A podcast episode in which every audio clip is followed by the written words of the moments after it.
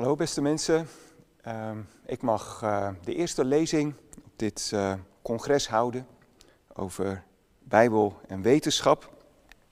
Mijn naam is Marco de Wilde. Ik ben predikant in de hervormde gemeente van Sommelsdijk. En ik mag iets vertellen over de Bijbel, het onfeilbare, foutloze fundament wat de Heere God ons gegeven heeft voor onze kennis, allereerst van God maar ook van de hele werkelijkheid, de bril die God ons aanreikt. Mooi om op dit congres ook zo te beginnen met een lezing over de Bijbel zelf en hoe we tegen de Bijbel mogen aankijken. Past ook mooi bij het Bijbelgedeelte waar ik mijn lezing mee wil beginnen. Een gedeelte uit Lucas 10, vers 38 tot 42 bekende gedeelte over Maria en Martha. We lezen daar in Lucas 10. Het gebeurde toen Jezus en zijn discipelen onderweg waren, dat hij in een dorp kwam. En een vrouw van wie de naam Martha was, ontving hem in haar huis. En ze had een zuster die Maria heette, die ook aan de voeten van Jezus zat en naar zijn woord luisterde. Maar Martha was druk bezig met bedienen. Nadat zij erbij was komen staan, zei zij: Heere, trekt u het zich niet aan dat mijn zuster mij alleen laat bedienen? Zeg toch tegen haar dat zij mij helpt. Jezus antwoordde: en zei tegen haar: Martha, Martha, u bent bezorgd en maakt u druk over veel dingen. Slechts één ding is nodig.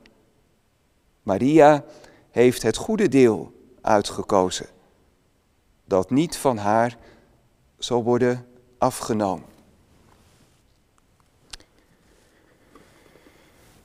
Ja, Jezus is met zijn discipelen onderweg naar Jeruzalem. En onderweg stoppen ze bij Martha en Maria. Twee zussen, twee vrienden van Jezus. En Maria, ze gaat zitten aan Jezus' voeten. Dat wil zeggen, ze wil zijn leerling zijn. Luisteren naar zijn onderwijs. Haar zus Martha doet dat niet. Zij heeft het te druk met bedienen. En ongetwijfeld doet ze dat met de liefde van haar hart en vindt ze het een hele grote eer om Jezus te dienen. En dan kun je zeggen, dat is allebei goed. Wat Maria doet en wat Martha doet, het is ook allebei nodig. Luisteren en dienen, stil worden en actief zijn. En als christen, als gelovige, moet je de ene keer op Maria lijken en de andere keer op Martha. Je kunt ook zeggen, er zijn Maria-christenen en er zijn Martha-christenen. Denkers voor zo'n congres als vandaag, maar ook doeners. En dat is mooi, zo vul je elkaar aan. Het is allebei nodig. Gelukkig zijn we niet allemaal hetzelfde. En je kunt zelfs nog een stap verder gaan en je kunt ook zeggen, uiteindelijk gaat het toch om dat dienen. Om wat Martha doet. Maar Jezus, hij zegt het anders. Hij zegt niet, Martha, jij doet het goed. Of jij doet het ook goed. Nee, hij zegt, je doet het verkeerd. Het moet anders. En wat doet ze dan verkeerd? Nou, dat ze niet net als Maria aan Jezus voeten zit en luistert naar zijn stem. Mooi dat ze Jezus wil dienen, maar Jezus zegt om dat goed te kunnen doen, moet je eerst naar mij luisteren. Goed luisteren. En pas als je dat gedaan hebt, ben je geschikt om mij te dienen. Je zou het ook nog zo kunnen zeggen, Eerst wil Jezus ons dienen, door met zijn woord in ons hart en in ons leven te werken. En dan pas kunnen en mogen we Hem dienen. Het zit hem dus in de volgorde. Eerst luisteren, dan dienen. Dat is de grondregel in het koninkrijk van God. En dat past ook helemaal bij wie wij zijn. Mensen door God geschapen, niet bedoeld om zelf ons leven uit te vinden, maar om te luisteren, om Gods weg te gaan, naar Zijn instructies te luisteren. En daar komt nog iets bij. We zijn ook nog eens zondaren, geneigd om het verkeerd te doen en te dwalen bij God vandaan en bij het doel van ons leven vandaan. En daarom die volgorde. Eerst luisteren, steeds weer, en dan pas doen. Dan dienen. En dat luisteren, dat betekent voor ons vandaag luisteren naar de Bijbel, het boek van God. Niet omdat er geen andere bronnen van kennis en wijsheid zijn, want die zijn er ook. Andere bronnen waardoor God tot ons spreekt, Gods schepping bijvoorbeeld, waar het vandaag over gaat. Ook een boek van God. Of de geschiedenis van deze wereld die God leidt en waarin zijn hand zichtbaar wordt. Of ons verstand, wat iemand mooi omschrijft als het instrument dat God ons gegeven heeft om waarheid te onderkennen te herkennen. Of onze ervaring, onze cultuur, onze traditie en zeker ook de traditie van de kerk, waarin God ons een schat van wijsheid meegeeft. Maar de schrift, de Bijbel, is onze unieke bron. Het helderste getuigenis. Het fundament om op te staan. En de norm waaraan al die andere bronnen getoetst moeten worden. Dat is wat christenen die in de traditie van de Reformatie willen staan, bedoelen met sola scriptura. Alleen de schrift. Niet de enige bron, maar wel de unieke en hoogste bron. Calvijn gebruikt in dit verband een aantal krachtige beelden. Hij zegt de Bijbel, dat is onze bril waardoor we God en zijn werk mogen zien. De Bijbel is de draad waardoor we de weg vinden door het labyrint van dit leven. En de Bijbel is de school van de Heilige Geest. En tenslotte is de Bijbel ook de scepter waarmee God ons regeert. Een recente verwoording en verdediging van dit sola scriptura vinden we in het Chicago Statement on Biblical Inerrancy. Een verklaring die in 1978 door evangelicale christenen is opgesteld. Waarbij bekende gereformeerde theologen als James Packer en R.C. Sproul, die ook in Nederland wat bekender zijn, een beslissende rol hebben gespeeld. En die ook in onze tijd voor veel evangelicale christenen nog veel gezag heeft. Bekende inerrancy-denkers zijn bijvoorbeeld predikanten als John Piper en Tim Keller en theologen als Don Carson en Kevin Van Hooser. Dat woord inerrancy vraagt wel om wat toelichting. Letterlijk betekent het zoiets als foutloosheid. Een Bijbel zonder fouten. Dat klinkt wat formalistisch en reductionistisch. Het lijkt ook een wat negatieve typering van de Bijbel. De nadruk wordt gelegd op wat de Bijbel niet is. Geen boek met fouten. Nou, zo hebben de opstellers van het Chicago Statement het niet bedoeld. Het is geen negatieve verklaring, ook niet allereerst een polemische of defensieve verklaring, vooral een positieve verklaring. Toch hebben ze heel bewust voor dat begrip inerrant gekozen.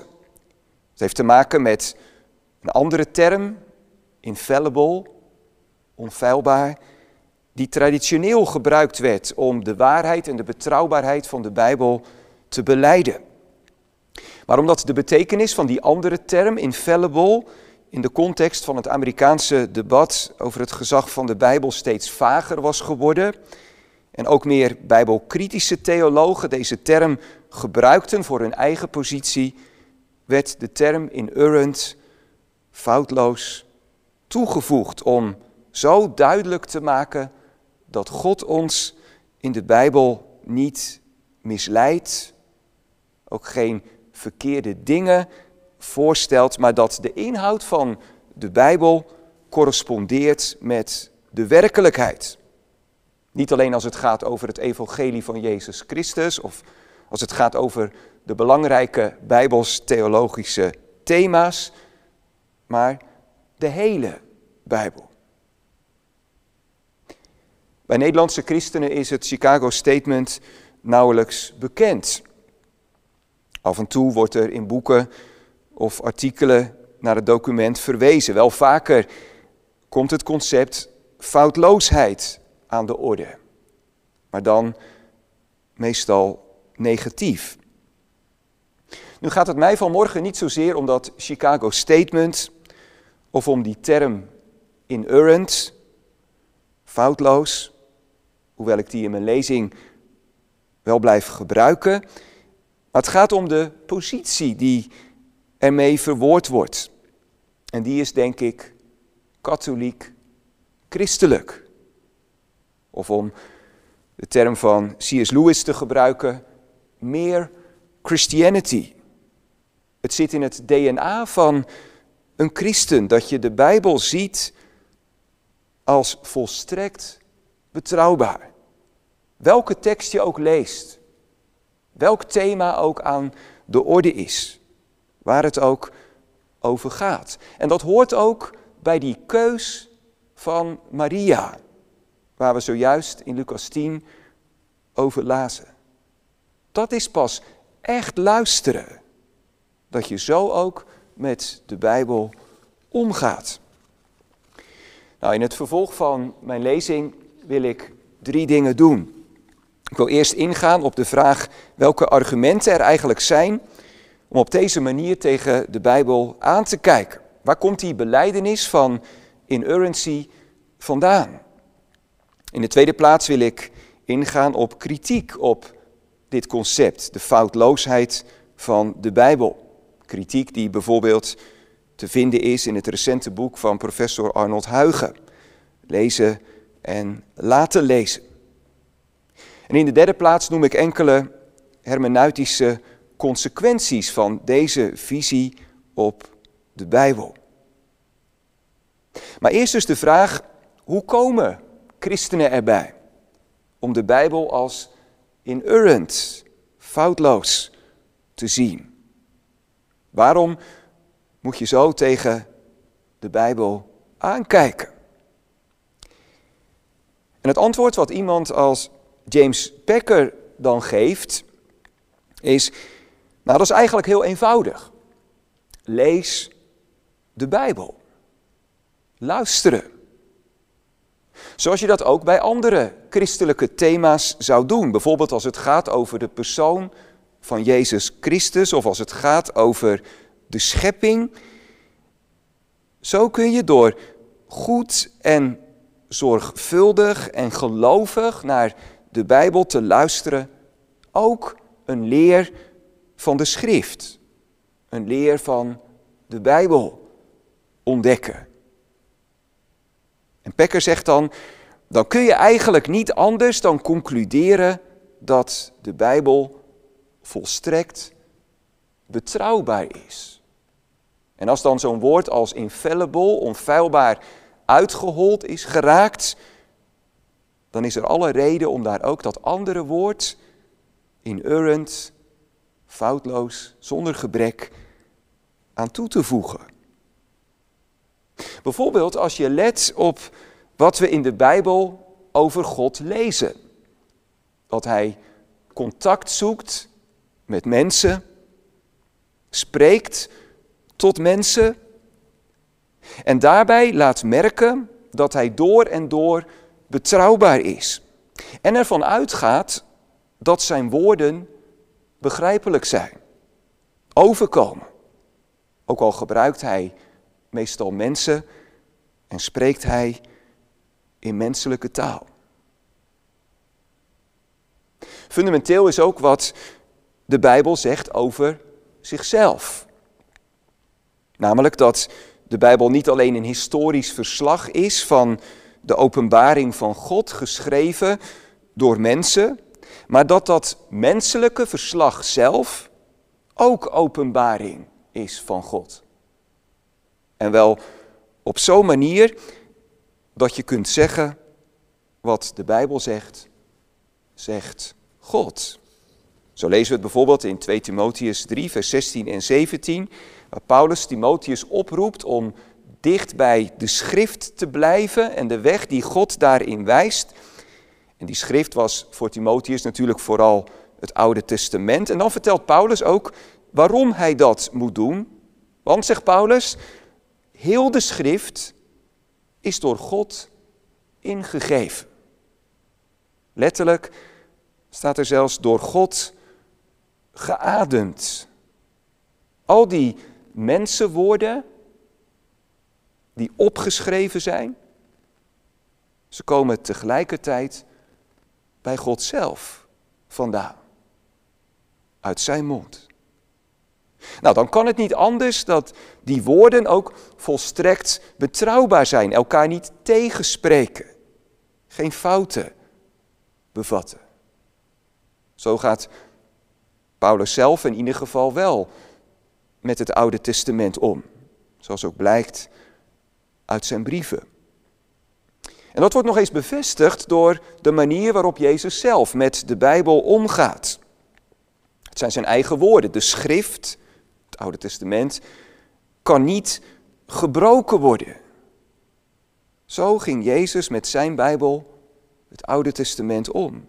Als een volstrekt betrouwbaar en gezaghebbend woord van zijn Vader. Waar je je met een gerust hart aan kunt toevertrouwen. Dat deed Jezus in ieder geval wel. De inerrancy-gedachte is dus geen denkconstructie of norm die je aan de Bijbel oplegt. Of waar de Bijbel aan moet voldoen, omdat wij ons geen ander goddelijk boek kunnen voorstellen. Of omdat orthodoxe christenen het lastig vinden om om te gaan met onzekerheid. En behoefte hebben aan een duidelijke en afgeronde theologie, zoals bijvoorbeeld de bekende exegeet Pieter Ens beweert. Inerrancy als een vrucht van angst en eigen wijsheid. Nee, het is juist een vrucht van goed luisteren van dat zitten aan de voeten van Jezus, zoals Maria. Niet a priori, iets wat wij van tevoren al vinden, maar a posteriori. Een intrinsiek bijbelse gedachte. Gelovig omgaan met de woorden van God. Overigens is inerrancy wel wat anders dan wetenschappelijke precisie. Inerrancy betekent ook niet dat elk Bijbelgedeelte letterlijk gelezen moet worden. Of dat we niet hoeven te letten op het genre van de tekst. Of dat elke Bijbeltekst hetzelfde gezag heeft of op dezelfde manier gezag heeft. Dat de Bijbel geen fouten bevat, betekent ook niet dat wij als ontvangers, als lezers de Bijbel foutloos interpreteren. Zeker niet. Het gaat wel om een bepaalde houding ten opzichte van de Bijbel. Dat we ons vooraf al committeren. Om alles te geloven wat de Bijbel zegt. Omdat we zo met de Bijbel hebben leren omgaan. Maar om dat te ontdekken, wat God dan precies in de Bijbel zegt, is natuurlijk wel zorgvuldige exegese nodig. En steeds weer een nederige luisterhouding. En ook samenlezen met andere christenen en de traditie van de kerk. En in dat alles de leiding en het getuigenis van de Heilige Geest. In urgency is echt geen antwoord op alle vragen of leidt niet tot een simpel zwart-wit Bijbellezen. Het is een beleidenis. Uw woord is de waarheid. Dat brengt me bij het tweede waar ik vanmorgen iets over wil zeggen. En dat is de kritiek op deze gedachte. Dat de Bijbel inerrant, foutloos zou zijn. Arnold Huygen noemt in zijn boek Lezen en laten lezen enkele van deze bezwaren die tegen de inerrancy-gedachten zijn ingebracht en ook tegen dat Chicago Statement. Bijvoorbeeld dat deze gedachte en ook die verklaring veel te verdedigend is. Een soort beschermingsconstructie. Om de Bijbel te beschermen, veilig te houden, te beschermen tegen allerlei kritiek. En Huygen zegt dan, de Bijbel heeft onze bescherming, onze argumenten, onze verdediging helemaal niet nodig. Trouwens, in de praktijk werkt het toch ook niet. Want als je dan lastige teksten in de Bijbel tegenkomt, dingen die niet lijken te kloppen of die elkaar tegen lijken te spreken, moet je dan steeds niet weer voor een oplossing zorgen, omdat anders je systeem, je gebouw in elkaar stort. Nou, we hoeven inderdaad de Bijbel niet te verdedigen. Je moet denken aan Spurgeon. Hij gebruikt ergens een heel mooi beeld. Hij vergelijkt de Bijbel met een leeuw. En hij zegt, een leeuw, die hoef je niet te verdedigen. Een leeuw moet je loslaten. Dan komt hij wel voor zichzelf op. Spurgeon zegt, laat de Bijbel maar spreken. Laat de Bijbel zijn werk maar doen. Dan komt het wel goed. Dat is een mooie houding. Maar wil dat dan zeggen dat je niet mag opkomen voor de betrouwbaarheid en de waarheid van de Bijbel? Of dat je die niet mag beleiden en onderstrepen? Of wil dat zeggen dat als je dat doet, dat dat dan niets meer is dan een typisch modern funderingsdenken in reactie op liberale theologie? Denk het niet, juist omdat de Bijbel zelf die betrouwbaarheid en die waarheid van de woorden van God onderstreept. Weer niet a priori, maar a posteriori. Het is intrinsiek bijbels, deze gedachte. Het wil ook niet zeggen dat je dan alle probleemteksten in de Bijbel per se moet oplossen. Alsof je alle antwoorden moet hebben. Als Paulus in Romeinen 8, vers 32 beleidt dat alle dingen meewerken ten goede voor hen die God liefhebben, dan hoeft hij ook niet van elke situatie aan te tonen hoe dat dan zo is. Het is een beleidenis. Het probleem zit hem in ieder geval niet in de Bijbel zelf. Dat die ons op het verkeerde been zet. Of de verkeerde kant opwijst. Of er gewoon naast zit. Of inmiddels achterhaald geworden is. Uw woord is de waarheid. Betrouwbaar. Een ander belangrijk kritiekpunt is dat christenen die de foutloosheid van de Bijbel beleiden, te veel nadruk zouden leggen op de waarheid van de Bijbel. Alsof dat de grote vraag is. Veel te rationeel en veel te intellectualistisch met de Bijbel omgaan. Vaak wordt het dan zo gezegd. In de Bijbel heeft waarheid niet zozeer te maken met proposities en met allerlei uitspraken die al dan niet waar of niet waar zijn. In de Bijbel gaat het over een persoon, Jezus Christus, die de weg, de waarheid en het leven is. Of het wordt zo gezegd, de Bijbel is geen theologieboek vol waarheden, of een geschiedenisboek, of erger, nog een natuurkundeboek. De Bijbel is het verhaal over Gods grote daden. Met als climax het zenden van zijn zoon. Aan de ene kant helder dat het in de Bijbel gaat over Gods grote daden, over het zenden van zijn zoon. Hebreeën 1, het eerste vers, zegt het heel mooi. In deze laatste dagen heeft God tot ons gesproken door zijn zoon. Het gaat om hem. Hij is inderdaad de weg, de waarheid en het leven. Maar dat Jezus de waarheid is en dat de Bijbel waar is, dat sluit elkaar natuurlijk niet uit. Het zou een valse tegenstelling zijn. Sterker nog, die letterlijke waarheid van de Bijbel is wel het fundament onder die diepere Bijbelse waarheid. Want wat heb je aan een belofte van God als God niet echt bestaat? En hoe kan de opstanding van Jezus het begin zijn van Gods nieuwe wereld als Hij niet echt is opgestaan?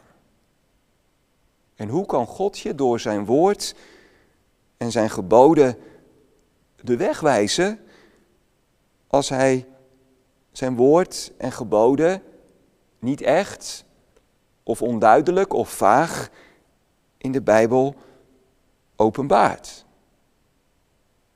Hoe kun je God op zijn woord geloven? Hoe kun je je vertrouwen op Hem stellen?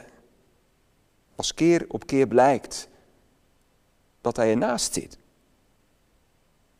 En, heel relevant voor ons thema vandaag, hier dreigt ook het gevaar van een docetische scheiding tussen de wereld van het geloof en de echte wereld waarin wij leven.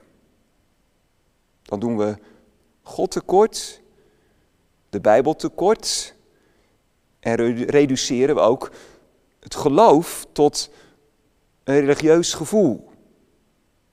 Wat met ons gewone leven en met onze werkelijkheid eigenlijk weinig meer te maken heeft. Dan nog een derde en laatste kritiekpunt. Maken christenen die de onfeilbaarheid en de foutloosheid van de Bijbel benadrukken niet een papieren paus van de Bijbel? Een boek waarmee we alles in de hand hebben, de waarheid in pacht hebben. Kun je ook niet veel beter spreken over het gezag van God, die inderdaad de Bijbel gebruikt maar dat is toch veel beter dan te spreken over het gezag van de Bijbel. Zoals je het ook zo vaak in onze tijd hoort zeggen, christenen hebben geen heilig boek. Wat dat betreft is de Bijbel een heel ander boek dan de Koran. Nou, het is zeker een gevaar dat we op een rationele manier met de Bijbel aan de haal gaan en de Bijbel gebruiken voor ons eigen gelijk. Dat we op grond van de Bijbel wel erg veel over God en over zijn handelen durven zeggen. En dat we de Bijbel gebruiken als een simpel antwoordenboek voor al onze vragen en niet beseffen dat we maar hele kleine mensjes zijn. En dat de Bijbel niet ons boek is, maar het boek van God. En dat ook dat we de leiding van de Heilige Geest heel hard nodig hebben om ons in de waarheid te leiden. Ook al hebben we de Bijbel van God gekregen. Dat is denk ik ook het mooie van het boek van Huigen, dat accent, zijn pleidooi voor een gelovige, bevindelijke, meditatieve manier van Bijbel lezen, waarbij er een omkering plaatsvindt. God die ons leest door de Bijbel, in plaats van wij die de Bijbel lezen. Maar er is ook een ander gevaar, waar iemand als Huigen veel minder oog voor lijkt te hebben. En dat is het gevaar dat we het objectieve van de schrift, of de inhoud daarvan, afzwakken. En dat we het sola scriptura van de Reformatie relativeren. En bijna bang worden om ons op de Bijbel te beroepen en te zeggen, zo heeft God het gezegd. En die weg moeten we gaan. Nou, dat is niet bijbels. Als we daar moeite mee hebben. Als we daar vaag over zijn. God heeft ervoor gekozen om zijn woorden vast te leggen. En zo met ons om te gaan. En zo zijn gezag uit te oefenen. De manier waarop dit in het Oude Testament beschreven wordt, roept bijna het beeld van een grondwet of een constitutie op. Of om een ander beeld te gebruiken, in de ark lagen twee stenen tafels. En zo heeft God zijn boek in deze wereld gelegd. De Bijbel. En daar hoef je je niet voor te schamen. Om je op dat boek te beroepen.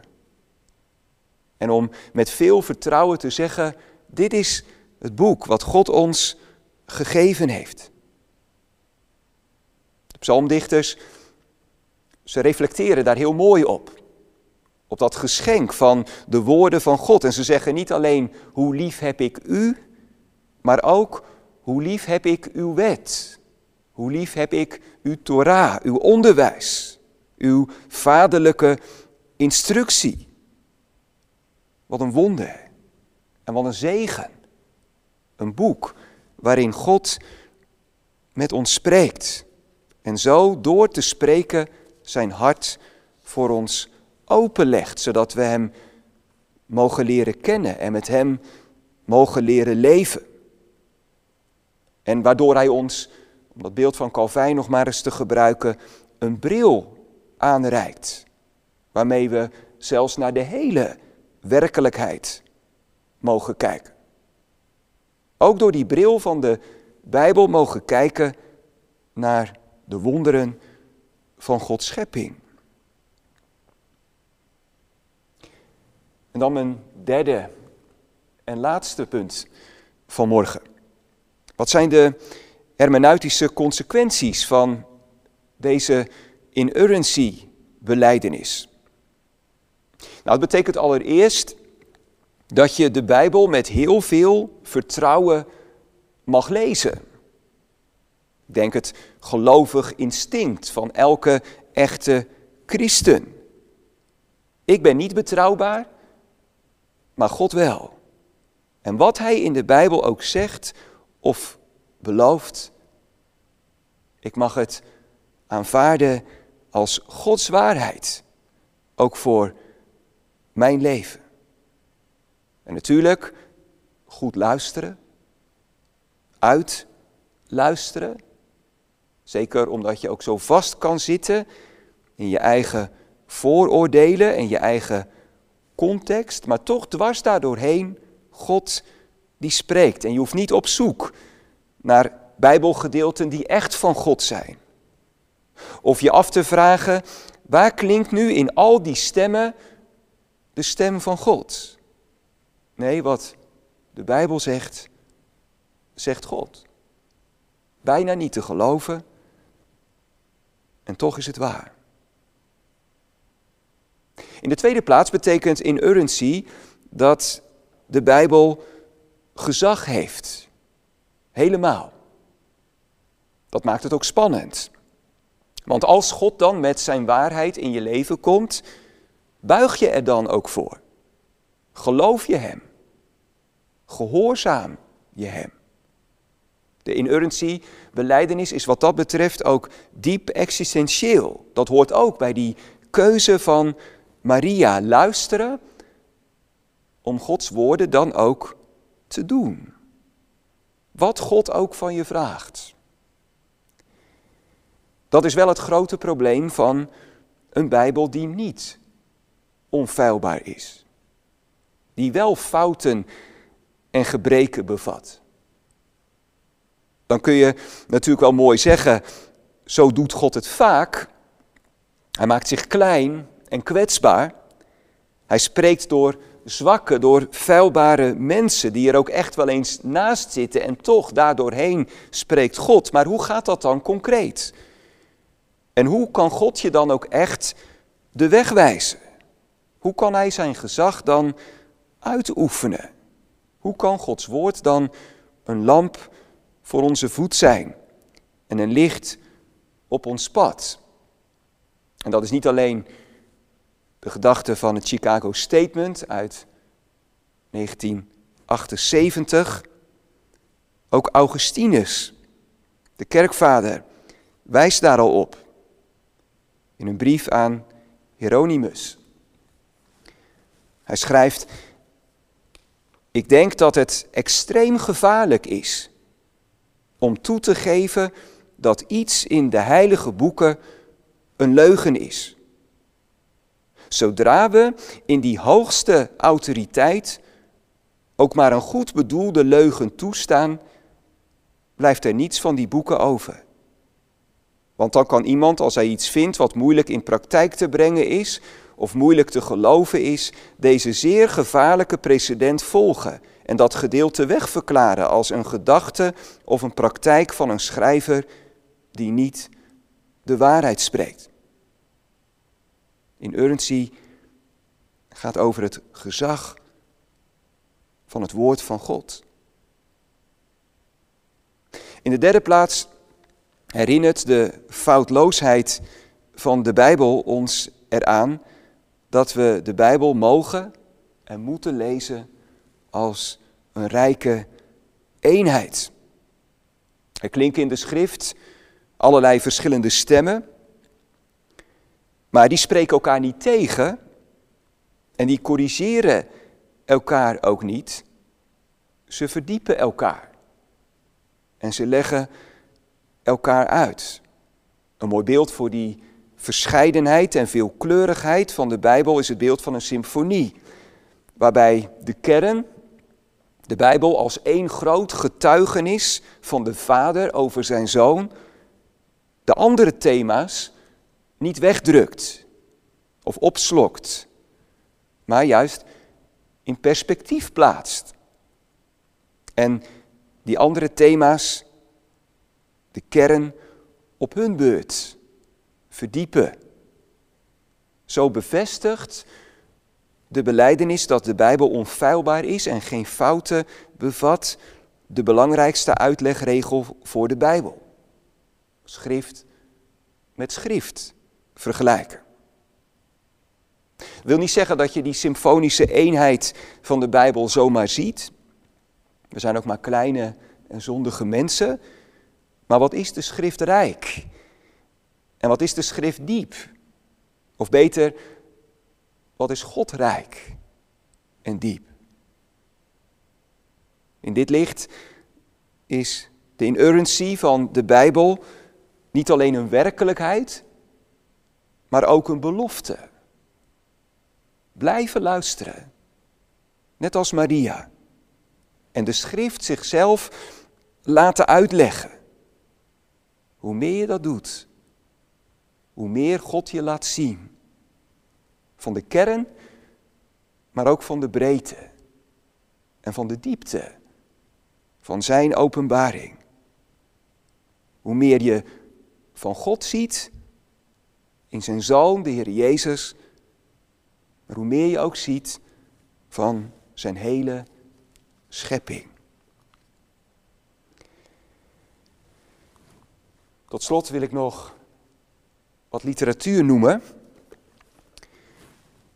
Bovenaan het boek onder redactie van Carson, The Enduring Authority of the Christian Scriptures. Een standaardwerk waarin meer dan 35 deskundigen die inerrancy gedachten uitleggen, toepassen. Ook allerlei vragen die bij het lezen van de Bijbel bovenkomen op een hele mooie manier beantwoorden of daar in ieder geval een weg in wijzen. Enorme aanrader. Tweede boekje wat daar staat, is van Kevin de Jong, Taking God at His Word. Heel eenvoudig, toegankelijk en aansprekend geschreven boekje. En tegelijkertijd wel diepgang. En in november is de planning, zal er ook een Nederlandse vertaling van dit boekje uitkomen bij geloofstoerusting. geloofstoerusting. Dus alvast een aanrader. Als we ons wat meer in dit thema willen verdiepen en dat standaardwerk van Carson en al die anderen voor ons wat te dik en te groot is, te veel tijd vraagt, dit boek van Kevin de Jong helpt ons zeker op weg. Ook een heel mooi boek is van John Frame, Doctrine of the Word of God. En tenslotte ook nog die klassieker van James Packer, Fundamentalism en the Word of God. Ik heb een uh, vraag gekregen, mooie vraag. De Bijbel geeft vaak geen letterlijk antwoord, maar vaak wel door meerdere tekstplaatsen gezamenlijk te lezen. Wat helpt de Bijbel als richtsnoer te gebruiken bij wetenschappelijk onderzoek? Nou, eerst even over dat eerste gedeelte van die vraag. De Bijbel geeft vaak geen letterlijk antwoord. Nou, zeker niet als het gaat over hele concrete, praktische vragen uit onze tijd. Um, maar dat wil niet zeggen dat de Bijbel geen antwoord geeft. Vaak moet je meer letten op de grote lijnen van de Bijbel of ja, meerdere Bijbelgedeelten met elkaar verbinden. Soms geeft de Bijbel wel een hele duidelijke richting aan. Om een heel ja, eenvoudig voorbeeld te geven. Je zou je af kunnen vragen, waar staat in de Bijbel iets over samenwonen? Er staat nergens met zoveel woorden iets over samenwonen. Maar wil dat dan zeggen dat je op grond van de Bijbel daar niets over kunt zeggen? Of dat de Bijbel op die vraag geen antwoord geeft? Zeker wel, alleen je moet die vraag wat anders aanvliegen en letten op wat de Bijbel zegt over relaties en over het huwelijk en over seksualiteit. Nou, dat eenvoudige voorbeeld helpt misschien ook om heel veel andere vragen uh, ja, wat beter te kunnen begrijpen. Laten we inderdaad letten op de hoofdlijn van de Bijbel, de thema's ook uitluisteren. En dan zullen we ontdekken wat God ook in de Bijbel belooft. Dat hij zeker antwoord geeft, ook door dat oude boek, dat hij het steeds weer nieuw maakt. Ja, hoe moet je de Bijbel dan gebruiken als richtsnoer bij wetenschappelijk onderzoek? Nou, ik denk dat dat beeld van Calvijn, het beeld van de bril, heel goed kan helpen. Um, er zijn genoeg vragen waar we in allerlei studies tegenaan lopen, waar de Bijbel zo ja, niet echt een antwoord op geeft. Tegelijkertijd moet de Bijbel wel het fundament zijn van onze kennis en van onze wijsheid. Het begin van de wijsheid is dat ontzag, de vrees van God. Daar hoort ook bij luisteren naar zijn woord. En als de Bijbel dan de grote lijnen aangeeft van ons worldview, van de manier waarop we naar het leven kijken, dan zullen we ontdekken dat ja, je juist heel veel aan de Bijbel kunt hebben, ook bij wetenschappelijk onderzoek. Niet dat je de Bijbel dan moet lezen als een eenvoudig antwoordenboek, maar wel als die bril die God ons aanreikt om naar deze werkelijkheid te kijken en die we ook heel hard nodig hebben.